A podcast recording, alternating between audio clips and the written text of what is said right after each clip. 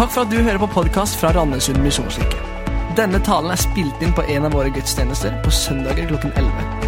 Vi håper det du hører, kan være til oppmuntring i hverdagen, og du er hjertelig velkommen til å ta del i vår menighet. Gå inn på mkirken.no eller Randesund misjonskirke på Facebook for mer info. Vi snakker, vi snakker om frihet. Og så er det sånn at vi alle bærer med oss en historie. En fortelling om levd liv. Om vårt liv. Og i denne historien så finnes det mange minner. Det finnes barndomsminner. Og for mange så er det gode, lyse, varme erfaringer som blir bærekraft i voksenliv. Er vi heldige, så finnes det der minner om foreldres omsorg, om mammas gode blikk, om pappas rosende ord. Men i vår historie og i vår fortelling så kan vi også finne det som fortsatt har kraft i seg til å gjøre vondt, selv mange, mange år etterpå. Vi bærer med oss ungdomserfaringen, ideal som møtte virkelighet. Vi møter mennesker som har sagt ting på godt og vondt. Vi møter konsekvenser av våre egne valg, og noen ganger så må vi bære konsekvensene av andres valg. og Alt dette så er vår historie. Og I de fleste liv så finnes det mye som er godt, ja, som er lett å bære, ja, som nesten er sånn som er fylt med helium, sånn at det bærer deg. Men så er det også sånn at noen ting i våre liv det kan være en tung bør å bære, og det kan ta krefter fra oss. Vi er inne i en taleserie som handler om frihet. Og Sist søndag så talte jeg med utgangspunkt i denne serien da, over å være virkelig fri. Og hadde en tekst fra Johannes evangelium kapittel 8 som vi stanset opp ved. Og Jesus bl.a. sier, 'For Sønnen frigjort dere, så blir dere virkelig fri.' Virkelig fri. Og Jeg sa noe om at frihet er egentlig Guds store prosjekt, som vi kan se helt fra skapelsen av og gjennom hele frelseshistorien. Og Når Jesus kommer, så er jo noe av det første Jesus på en måte sier når han starter sin tjeneste, det er dette. Han åpner fra Jesaja og leser Herrens ånd er over meg, for han har salvet meg til å forkynne et gledesbudskap for fattige. Han har sendt meg for å kunngjøre at fanger skal få frihet, og blinde få syn igjen, for å sette undertrykte fri. Og Det er nesten som om Jesus roper ut med caps lock på her at han har kommet for å gi frihet fra fattigdom, frihet fra fangenskap, frihet fra sykdom, frihet fra undertrykkelse. Og Det er egentlig dette Jesus holder på med gjennom hele sin tjeneste. Og Alt Jesus gjør, og egentlig alt Jesus sier, kan ses i lys av dette. Han har kommet for å gi frihet. Frihet er ikke bare Guds prosjekt, men også Jesus' store prosjekt. I dag så er temaet 'endelig fri'. Og skal, skal vi ta for oss en tekst om en kvinne som hadde sin historie og bar sin bør. Hun bærer nok på skam, helt sikkert. Trolig også på skyld. Kanskje var det valg hun gjorde. Kanskje var det ting som hadde blitt gjort mot henne, som gjorde at det var slik. Men denne kvinnen får et møte med Jesus og så ser vi at når hun forlater Jesus etter å ha møtt ham, så er det et helt nytt menneske som går. Hun opplevde å bli satt i frihet i dette møtet. Teksten er fra Johannes evangelium kapittel 4 om kvinnen som møter Jesus ved Sykarsbrønn. Og Vi skal lese der. Vi skal lese et raust avsnitt fra Bibelen, skal vi si det sånn. Ja, Så det stiller litt krav til både meg og til dere om å følge med og være til stede. Men dere får teksten på veggen.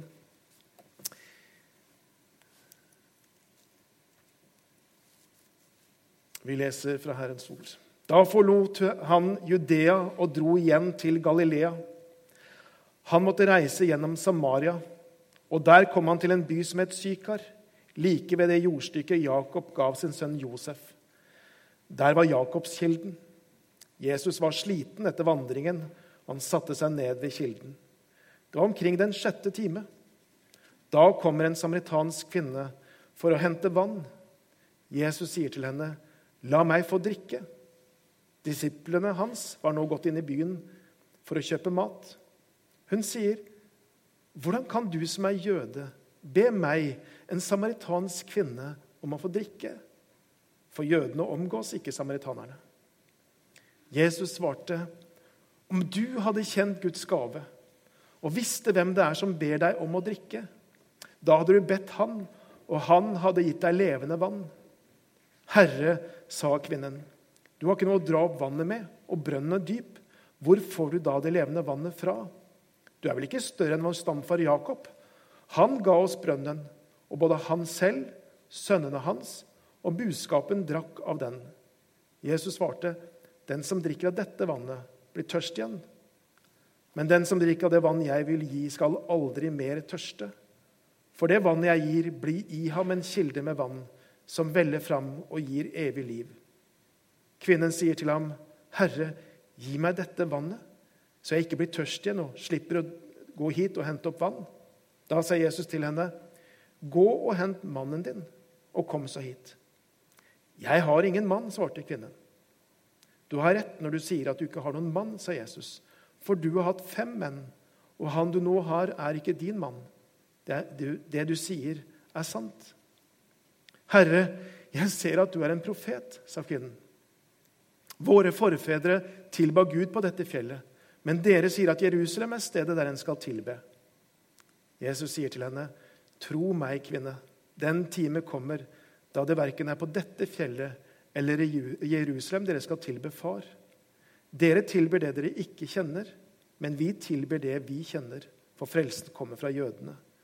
Men den time kommer, ja, den er nå, da de sanne tilbedere skal tilbe Far i ånd og sannhet. For slike tilbedere vil Far ha. Gud er ånd, og den som tilber ham, må tilbe i ånd og sannhet. Jeg vet at Messias kommer, sier kvinnen. Messias er det samme som Kristus. Og når han kommer, skal han fortelle oss alt. Jesus sier til henne, 'Det er jeg, jeg som snakker med deg.' I det samme kom disiplene hans og de undret seg over at han snakket med en kvinne. Men ingen av dem spurte hva han ville, eller hvorfor han snakket med henne. Kvinnen lot nå vannkrukken sin stå og gikk inn i byen og sa til folk.: Kom og se en mann som har fortalt meg alt det jeg har gjort. Han skulle vel ikke være Messias? Da dro de ut av byen og kom til ham. Det var Herrens ord. Skal vi be om at Gud kan åpenbare ordet for oss. Kjære Jesus, jeg takker deg for at du er frihetens konge, sånn som vi sang i stad. Takk for at det er slik at hender med nåde er lagt på våre liv. Og jeg ber Herre at vi skal få lov til, hver enkelt som er her, få lov til å erfare denne friheten i deg. Friheten som du kom for å gi til ethvert menneske. Så ber vi at du skal åpenbare ordet for oss. Takker deg for ditt ord, som vi har så rikelig tilgang på iblant oss, Herre. Amen. Tre ting som jeg har lyst til å peke på ut ifra denne teksten. her. Det første jeg har lyst til å si noe om det som i vår historie har kraft til å ta vår frihet. For det finnes noen ganger noe der. Jeg har lyst særlig å stanse opp til dette som har med skyld og skam å gjøre. Som er så sterke krefter, og som kan virkelig binde oss. Og så har jeg lyst til å si noe om at evangeliet om Jesus har kraft til å sette oss fri. Så Det første det er altså dette at det finnes materiale i alle vår historie som har potensial i seg, som har kraft i seg til å binde, til å ta fra oss friheten, til å begrense vårt liv. Noen i større grad og noe i mindre grad. Denne kvinnen som vi hørte om i teksten, hun har sin historie. Og Det er lett å få høye på at denne historien at den preget henne. Det første vi hører om denne kvinnen, det var at hun var en samaritaner. Eh, da kom en samaritansk kvinne for å hente vann, leste vi. Og Som en del av dere sikkert kjenner godt, og som også kommer fram av teksten, så var det ondt blod mellom samaritanere og jøder. Samaritanerne var et folkeslag som, som var en blandingsfolk. Dels av jødisk avstamning og dels av eh, fremmed avstamning. 700 år tidligere, når det asyriske riket på en måte okkuperte hele området, så flytta de rundt på folkegrupper. Liksom som For å bryte ned nasjonalfølelse, bryte ned kultur, sånn at det på en måte ikke skulle være så stort grunnlag for opprør. Det gjorde de her i, i denne delen av Israel. Og Dessuten så prega også det på en måte deres religiøsitet. Og det var jo at De både hadde på en måte eh, de fem Mosebøkene som de på noe leste, men de var også prega av annen fremmed religiøsitet og andre guder. Så det fantes på en måte både en stor eh, rasemessig men også en religiøs kløft mellom jøder og samaritanere. Og Dessuten på denne tiden her når Jesus levde, så hadde det vært et par hundre år hvor det stadig var på en måte små konflikter og større konflikter mellom disse to folkegruppene. Det var vold og det var herjinger fra begge sider. Så det på en måte var ordentlig sånn tenst på en måte mellom disse folkegruppene. Og en jøde forakta en samaritan. Så ned på en samaritan. Så noe av det denne kvinnen bar med seg, det var jo på en måte å, å være vant med å være forakta og bli ropt etter og bli spytta på og bli sett ned på bare fordi at hun tilhørte dette folkeslaget. Det var noe av den historien hun bærer med seg. Og I tillegg så lærer vi også om at hun har, når det gjelder på en måte eh, ekteskap, så lærer vi at hun har hatt fem menn. Og den hun lever sammen med nå, det er ikke hennes mann. Ikke sant? Og så, til og med i vår tid vekker det jo litt oppmerksomhet om noen har vært gift fem ganger. Ikke sant? Det blir fort et oppslag i Se og Hør da. og, og noen clickbait-overskrifter. Bare tenk på hvordan det var i denne kulturen her. Det var, det var, fullstendig krise, egentlig. Det var fullstendig uakseptabelt moralsk i denne sosiale kulturen å leve sånn som hun levde. Eh, og det er klart at Hun opplevde stigma ved det. Og så er det ingenting i teksten her som tyder på at hun er en prostituert. Tvert imot, egentlig. Og det er en teolog som sier det sånn. Det er heller det motsatte som antydes her. At hun er et offer for et system hvor ektemenn er fri til å skille seg fra sin kone, og kvinnene blir sittende igjen brukt og hjelpeløse. Slik at hennes nåværende mann ikke engang vil gifte seg med henne. Så det er på en måte et system som legger til rette for dette. For en mann kunne skille seg fra kona si nesten av hvilken som helst grunn. Og det gjorde de. Og Så blir hun sittende igjen, og så har hun ingen måte å brødfø seg på enn å se om hun kan gifte seg med en annen. Og så kan vi bare ane belastningen og utenforskapet som denne kvinnen her har båret på. Når Jesus møter denne kvinnen ved brønnen, så er de aleine. Det er bare de to der. Hun går aleine til brønnen for å hente vann. Det er veldig uvanlig i en kultur som dette. Og Det er faktisk sånn veldig mange steder i verden hvor kvinner går til en brønn og henter vann. Det er faktisk en viktig del av måte det sosiale livet, en viktig del av det sosiale limet. Og Så ser vi at denne kvinnen hun går alene. Så vet vi ikke om det er fordi hun er, ikke får lov til å gå med de andre, eller fordi hun kanskje liker å holde seg på avstand. Og også denne faktaopplysningen at det var på den sjette time, altså midt på dagen, klokka tolv, at hun går og henter vannet. Tyder, for Det vanlige var jo å hente vann enten på morgenen eller på kvelden. Men det tyder på dette utenforskapet som denne kvinnen bærer på. Til brønn denne dagen så bærer kvinnen en tom vannkrukke. Og så bærer hun en tung bør. Og Kanskje ikke fordi at vannkrukka er så tung, men fordi at hun bærer på noe veldig tungt inni seg. Og det er det som teksten antyder. Kanskje bærer hun på en følelse av skyld. Kanskje er det noen valg hun ser tilbake på som hun burde ha gjort annerledes, og som hun angrer på. Helt sikkert bærer hun på skam. I en kultur hvor ære er så viktig verdi, så er hun på fullstendig bankrott når det gjelder ære. Og så er det bare skammen som står igjen. Vi bærer alle vår historie. Du har din, jeg har min. Og Mye av det i vår historie er sikkert godt. Men kanskje er det også noen ting der som vi bærer på, litt slik som denne kvinnen bærer på det. Og så er våre smertepunkter annerledes. Sant? Det er ikke sikkert det er det samme, det er ikke sikkert det ligner engang, men kanskje kan du kjenne deg igjen i det. At det er noe i din historie som er noe mer enn på en måte minner om noe som skjedde. Men det er noe der som fortsatt har kraft i seg til å ta kreftene fra deg. Det er noe i din historie som fortsatt du stadig minnes på, og som stikker, og som det, på en måte er ikke ferdig. Og Noen av de tingene kan gå langt, langt, langt tilbake i tid. Jeg tror denne teksten setter et slags relieff, setter på en måte frontstiller noen ting om Jesus Kristus. Og det er at Jesus han møter oss Han møter ethvert menneske der vi er. Og han møter oss med det livet vi har, og ikke der vi tenker vi verken burde ha vært, eller som vi burde ha levd. Han møter denne kvinnen midt i hennes smerte og hennes skam og hennes skyld. Så møter han henne, og så åpner han en samtale med henne. Og jeg tenker at Det er egentlig der, det er bare der Jesus kan møte oss. Det er når vi blir ærlige med våre liv. Fariseerne deres problem hva var det? Ja, det var jo ikke nødvendigvis at de forsøkte å leve rett. Problemet var jo at de var jo ikke ærlige. De forsøkte å late som om de var bedre enn de andre. Og de forsøkte å late som om de var mye bedre enn de de var. Og så, og så ser jeg at Jesus han klarer ikke å møte de. Han rister i de verbalt noen ganger. Det er liksom som for å få de til å skjønne 'Hallo, våkn opp.' Og så hjelper det ikke så veldig mye. Men de utstøtte, de som er fattige i seg sjøl, de som kjenner at de ikke har noen ting å bidra med, ja, de kan Jesus komme til, og de kan han møte. Så Det var det ene jeg hadde lyst til å peke på. Dette At det finnes noe, også kanskje i vår historie, som er disse tingene som vi bærer med oss, som vi smertes over. Og så er det et håp i denne teksten at det går faktisk an å bli fri. Vi skal se på det etter hvert. Men jeg har lyst til å stanse litt opp med to veldig sånn sterke følelser som handler om skyld og skam. Skyld og skam.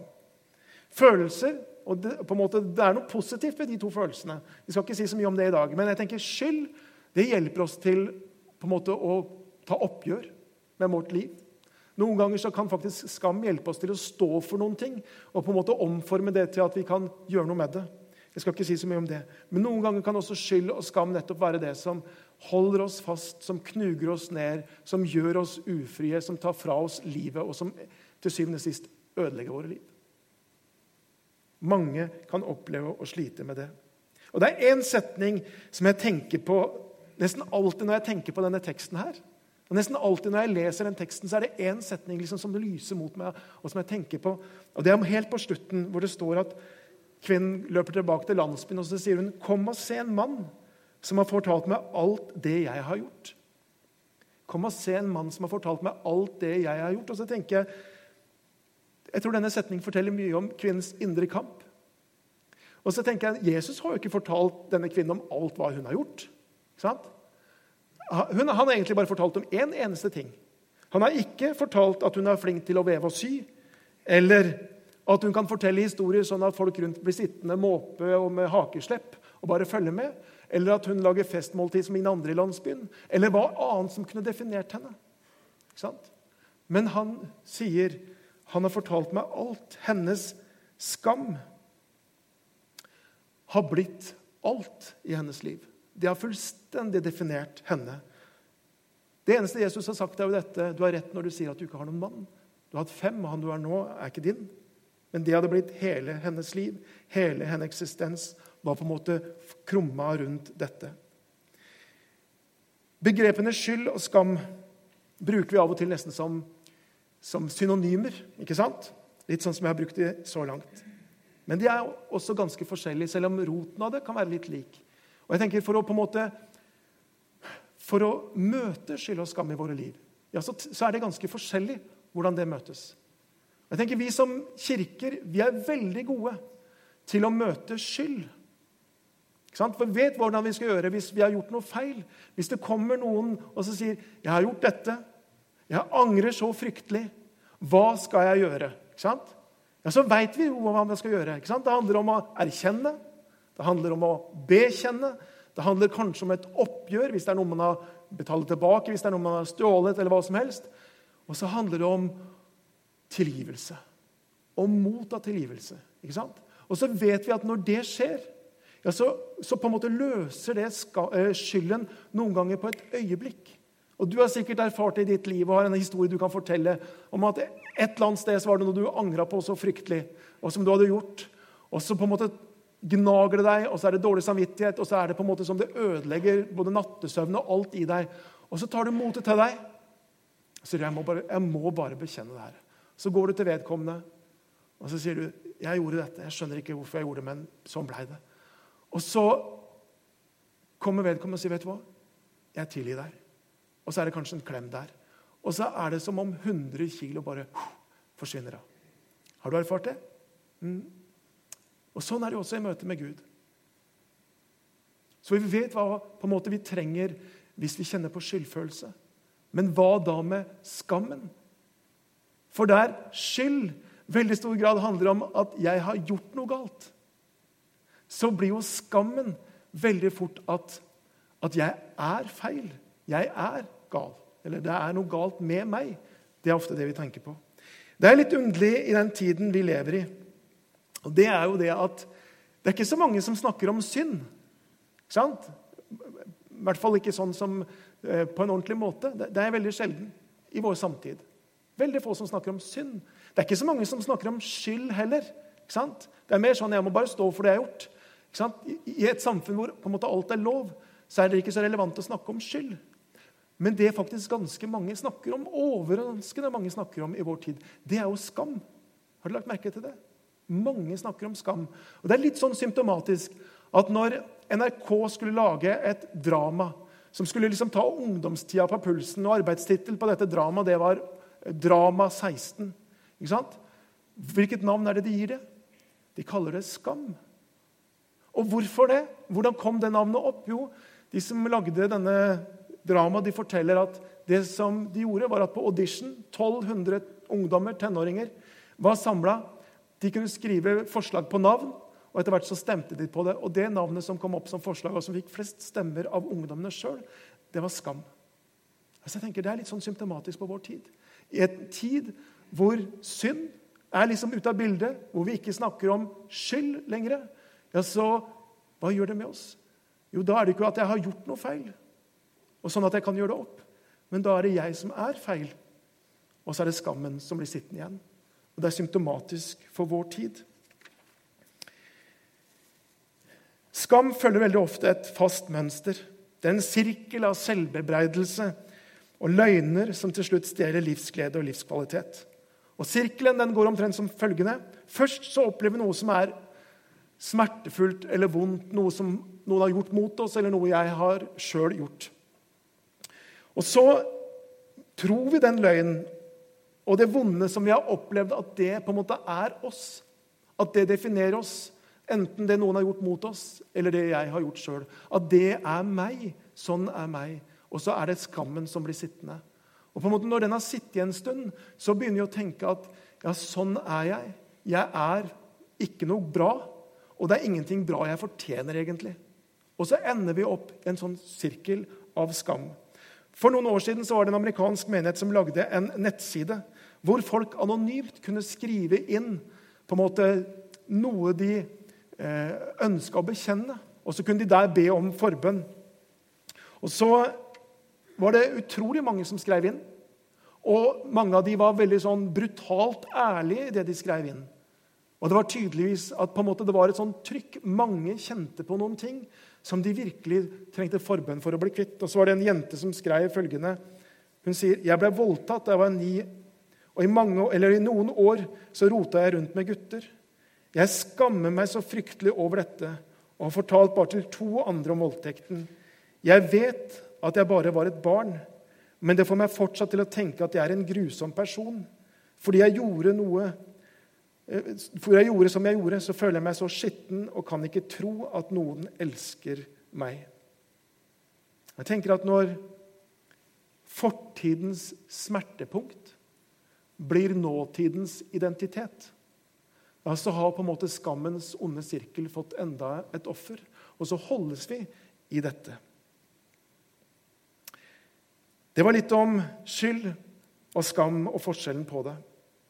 Det tredje vi skal se på, det er hvordan kvinnen blir totalt forvandla i dette møtet med Jesus der ved brønnen.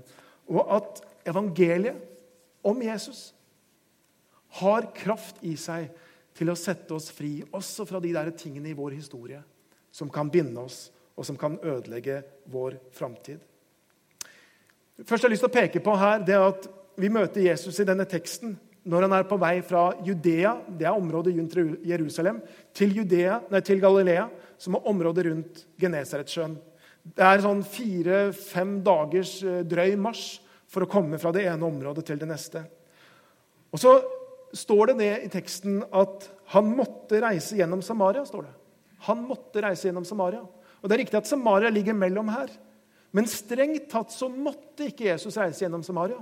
De fromme jødene de pleide å gå utenom. De gikk på den andre siden av Jordanelven. og Så gikk de utenom. Så de slapp å reise gjennom Samaria. Men hva er det som gjør at Jesus måtte reise gjennom? Det er en teolog som sier at vi, Johannes han bruker ofte dette ordet 'måtte' for å vise noe om hva som er tvingende nødvendig for Guds frelsesplan, særlig når det handler om Jesu frelsende verk. Og Hva betyr det? Jo, det betyr, og jeg tror det er sånn Jesus rent geografisk måtte han ikke. Men jeg tror det var en kvinne der han måtte møte. Jeg tror det var en kvinne der som Gud måtte vise sin nåde overfor. Det var et, på en måte et guddommelig avtalt øyeblikk. Derfor så måtte Jesus dit. Han måtte til Samaria for å møte denne kvinnen her. Og jeg tenker Det er det mye nåde i. Hvor langt er det Gud strekker seg? Hvor langt er det ikke Jesus strekker seg for å nå den ene? Og Det betyr også at han strekker seg uendelig langt for å nå deg og meg. Han måtte gjennom Samaria. Gud er en far som lengter etter sine bortkomne barn, etter sine bortkomne døtre.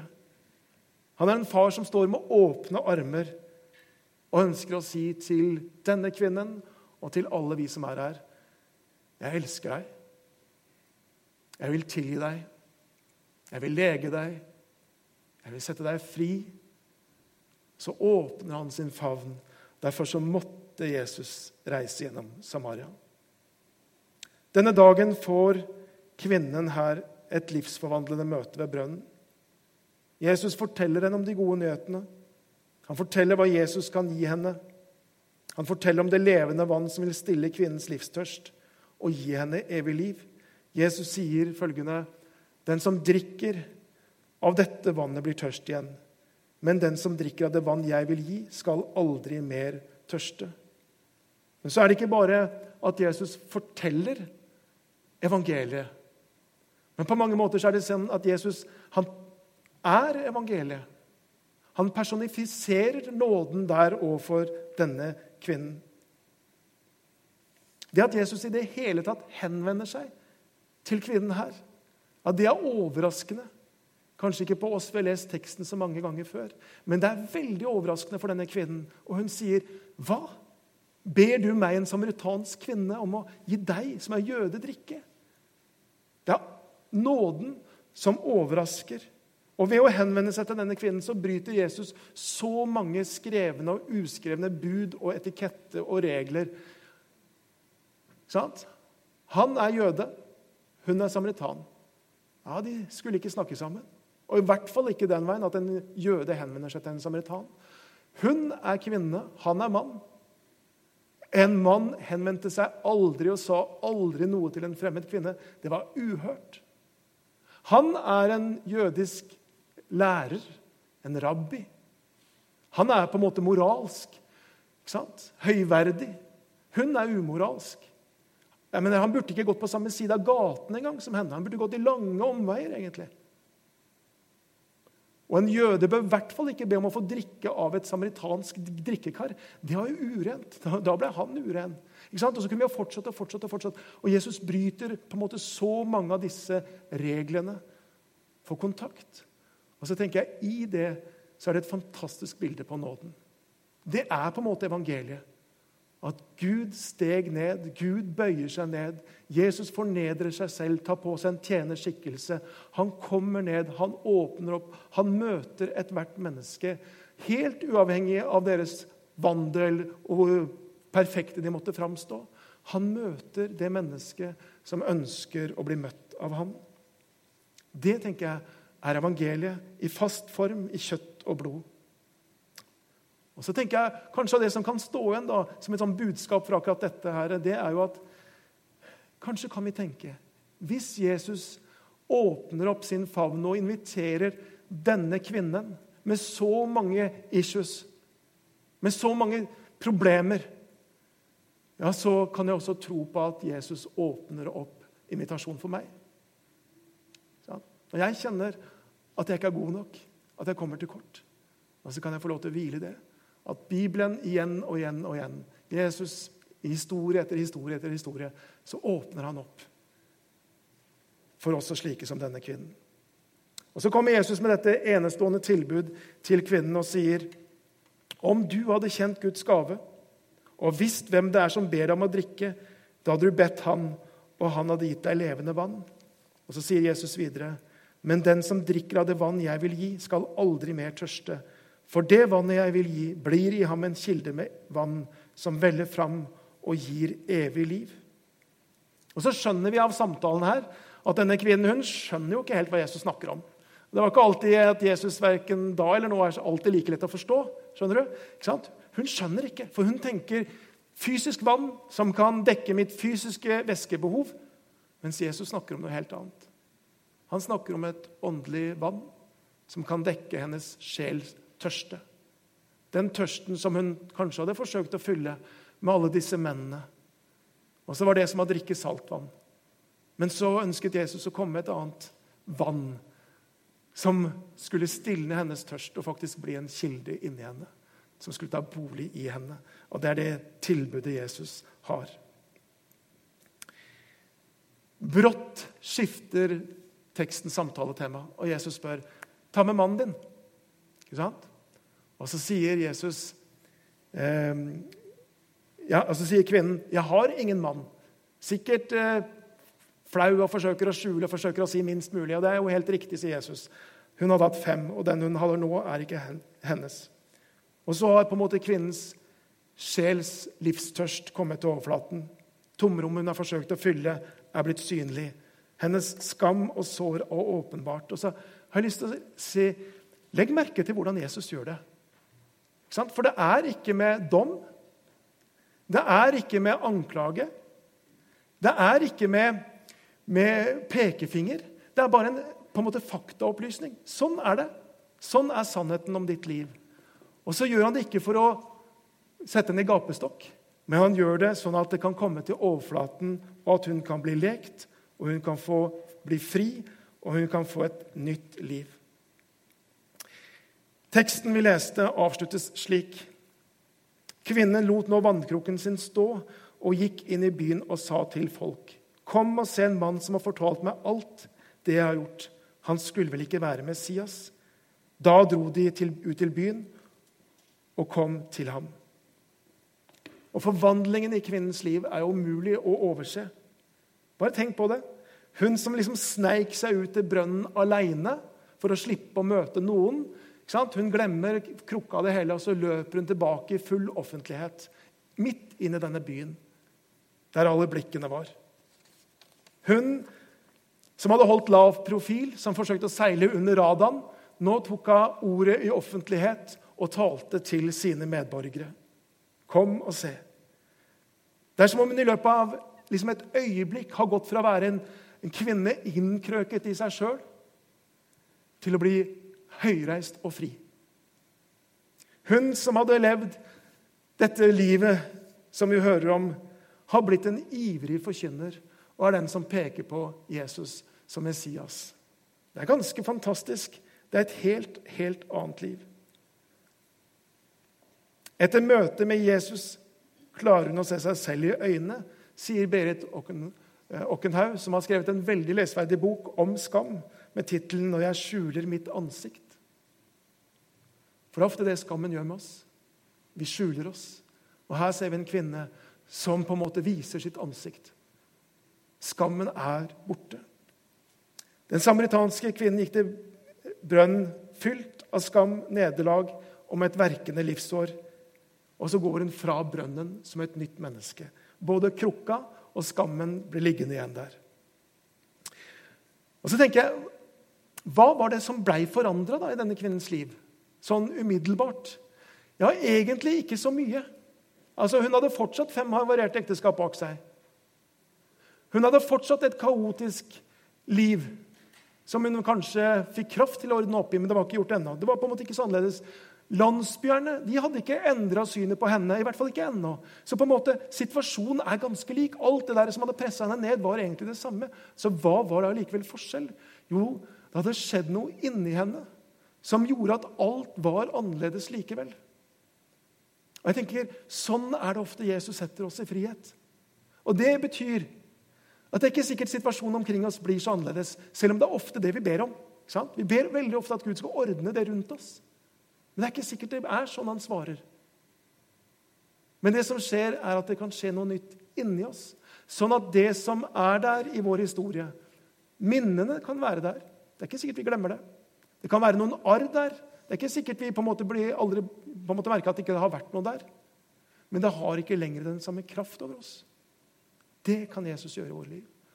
Han kan ta kraften ut av det som er i vår historie, og som tynger oss ned. Sånn at vi kan være frie, frie i Kristus, og til større og større grad blir den mann og kvinne som Jesus har skapt oss til å være. Det er det Jesus ønsker å gjøre. Det var det han fikk lov til å gjøre med denne kvinnen. Det som setter oss fri fra skyld, det er tilgivelse. Jeg har sagt noe om det. Å bli tilgitt av det mennesket eller å bli tilgitt av Gud, som vi kjenner vi har forbrutt oss mot, det er fantastisk. Men hva er det som setter oss fri fra skam? Hva er det? Berit Okkenhaug sier følgende.: Den skyldige trenger tilgivelse. Den skamfulle trenger det gode blikket som bygger ned skammen. Og så tenker jeg det var nøyaktig det som denne kvinnen fikk lov til å oppleve. Hun møtte Jesu blikk. Hun fikk den gode samtalen. Hun hørte invitasjonen. Og så gjorde det møtet noe med at skammen ble bygd ned i hennes liv.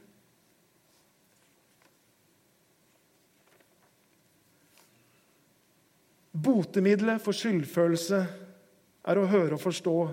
Dersom vi bekjenner våre synder, så er han trofast og rettferdig. Tilgir oss syndene og renser oss fra all urett. Og Noen ganger så trenger vi å høre at en sjelesørger sier det over vårt liv.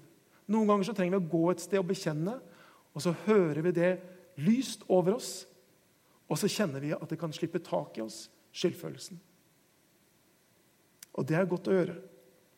Botmiddelet for skamfølelse det er faktisk å erfare Guds anerkjennende blikk. Og Det var det denne kvinnen møtte. Det er å forstå, sånn som en har sagt, at Gud skaper ikke søppel. Det er å forstå og ta til seg og vite. Gud skaper ikke søppel, og det betyr at jeg ikke er et søppel. Det betyr at jeg er skapt i Guds bilde. Det handler om å gripe det og forstå det. Det handler om å la det faktumet at jeg er skapt i Guds bilde, være det som definerer hvem jeg er, og ikke noen ting i min historie. Det handler om å forstå at korset forteller om Guds kjærlighet til meg. Vi synger en sang at 'Korset viser meg min verdi'. Og det er mye sant i det. Det er for å forstå at all min skyld, alt det gale jeg har gjort, alt det jeg skammer over, ja, det har Jesus sona på korset. Det er å la det synke inn. Det handler om å tro på at han lyser sin velsignelse over mitt liv. Og Guds velsignelse er på mange måter dette anerkjennende blikket som forteller om min verdi. Og jeg tenker at Sånn som du har på en måte fått synstilgivelsen lyst over mitt liv, hjelper min skyldfølelse. Sånn er det faktisk det å få Herrens velsignelse lyst over mitt liv. Et kraftig middel for å lege min skamfølelse. For hvis jeg skjønner det, hva det betyr, Herrens velsignelse om mitt liv, det betyr Herrens anerkjennende blikk om mitt liv. Det betyr at Herren vil meg vel. Og så er det realitet, og ikke bare ord. Så når, vi, når du hører Herrens velsignelse lyst, ja, så kan du tenke på det. Det betyr Guds anerkjennende blikk. Det betyr at jeg er ikke feil. Det betyr at jeg er skapt i hans bilde. Det betyr at Jesus har gitt sitt liv for meg. Og så kan du ta det til deg. Og hvis du evner å ta det til deg, ja, så vil det faktisk møte det som måtte være av opplevelse av skam i ditt liv. Jeg har lyst til at vi skal reise oss opp. Og Så pleier vi jo å lyse velsignelsen på slutten av gudstjenesten, men jeg har lyst til at vi skal gjøre det nå. Så hvis du kjenner at det der er det det har jeg lyst til å kjenne etter. Så, så virkelig på en måte ta imot Herrens velsignelse når jeg lyser den over dere her i formiddag.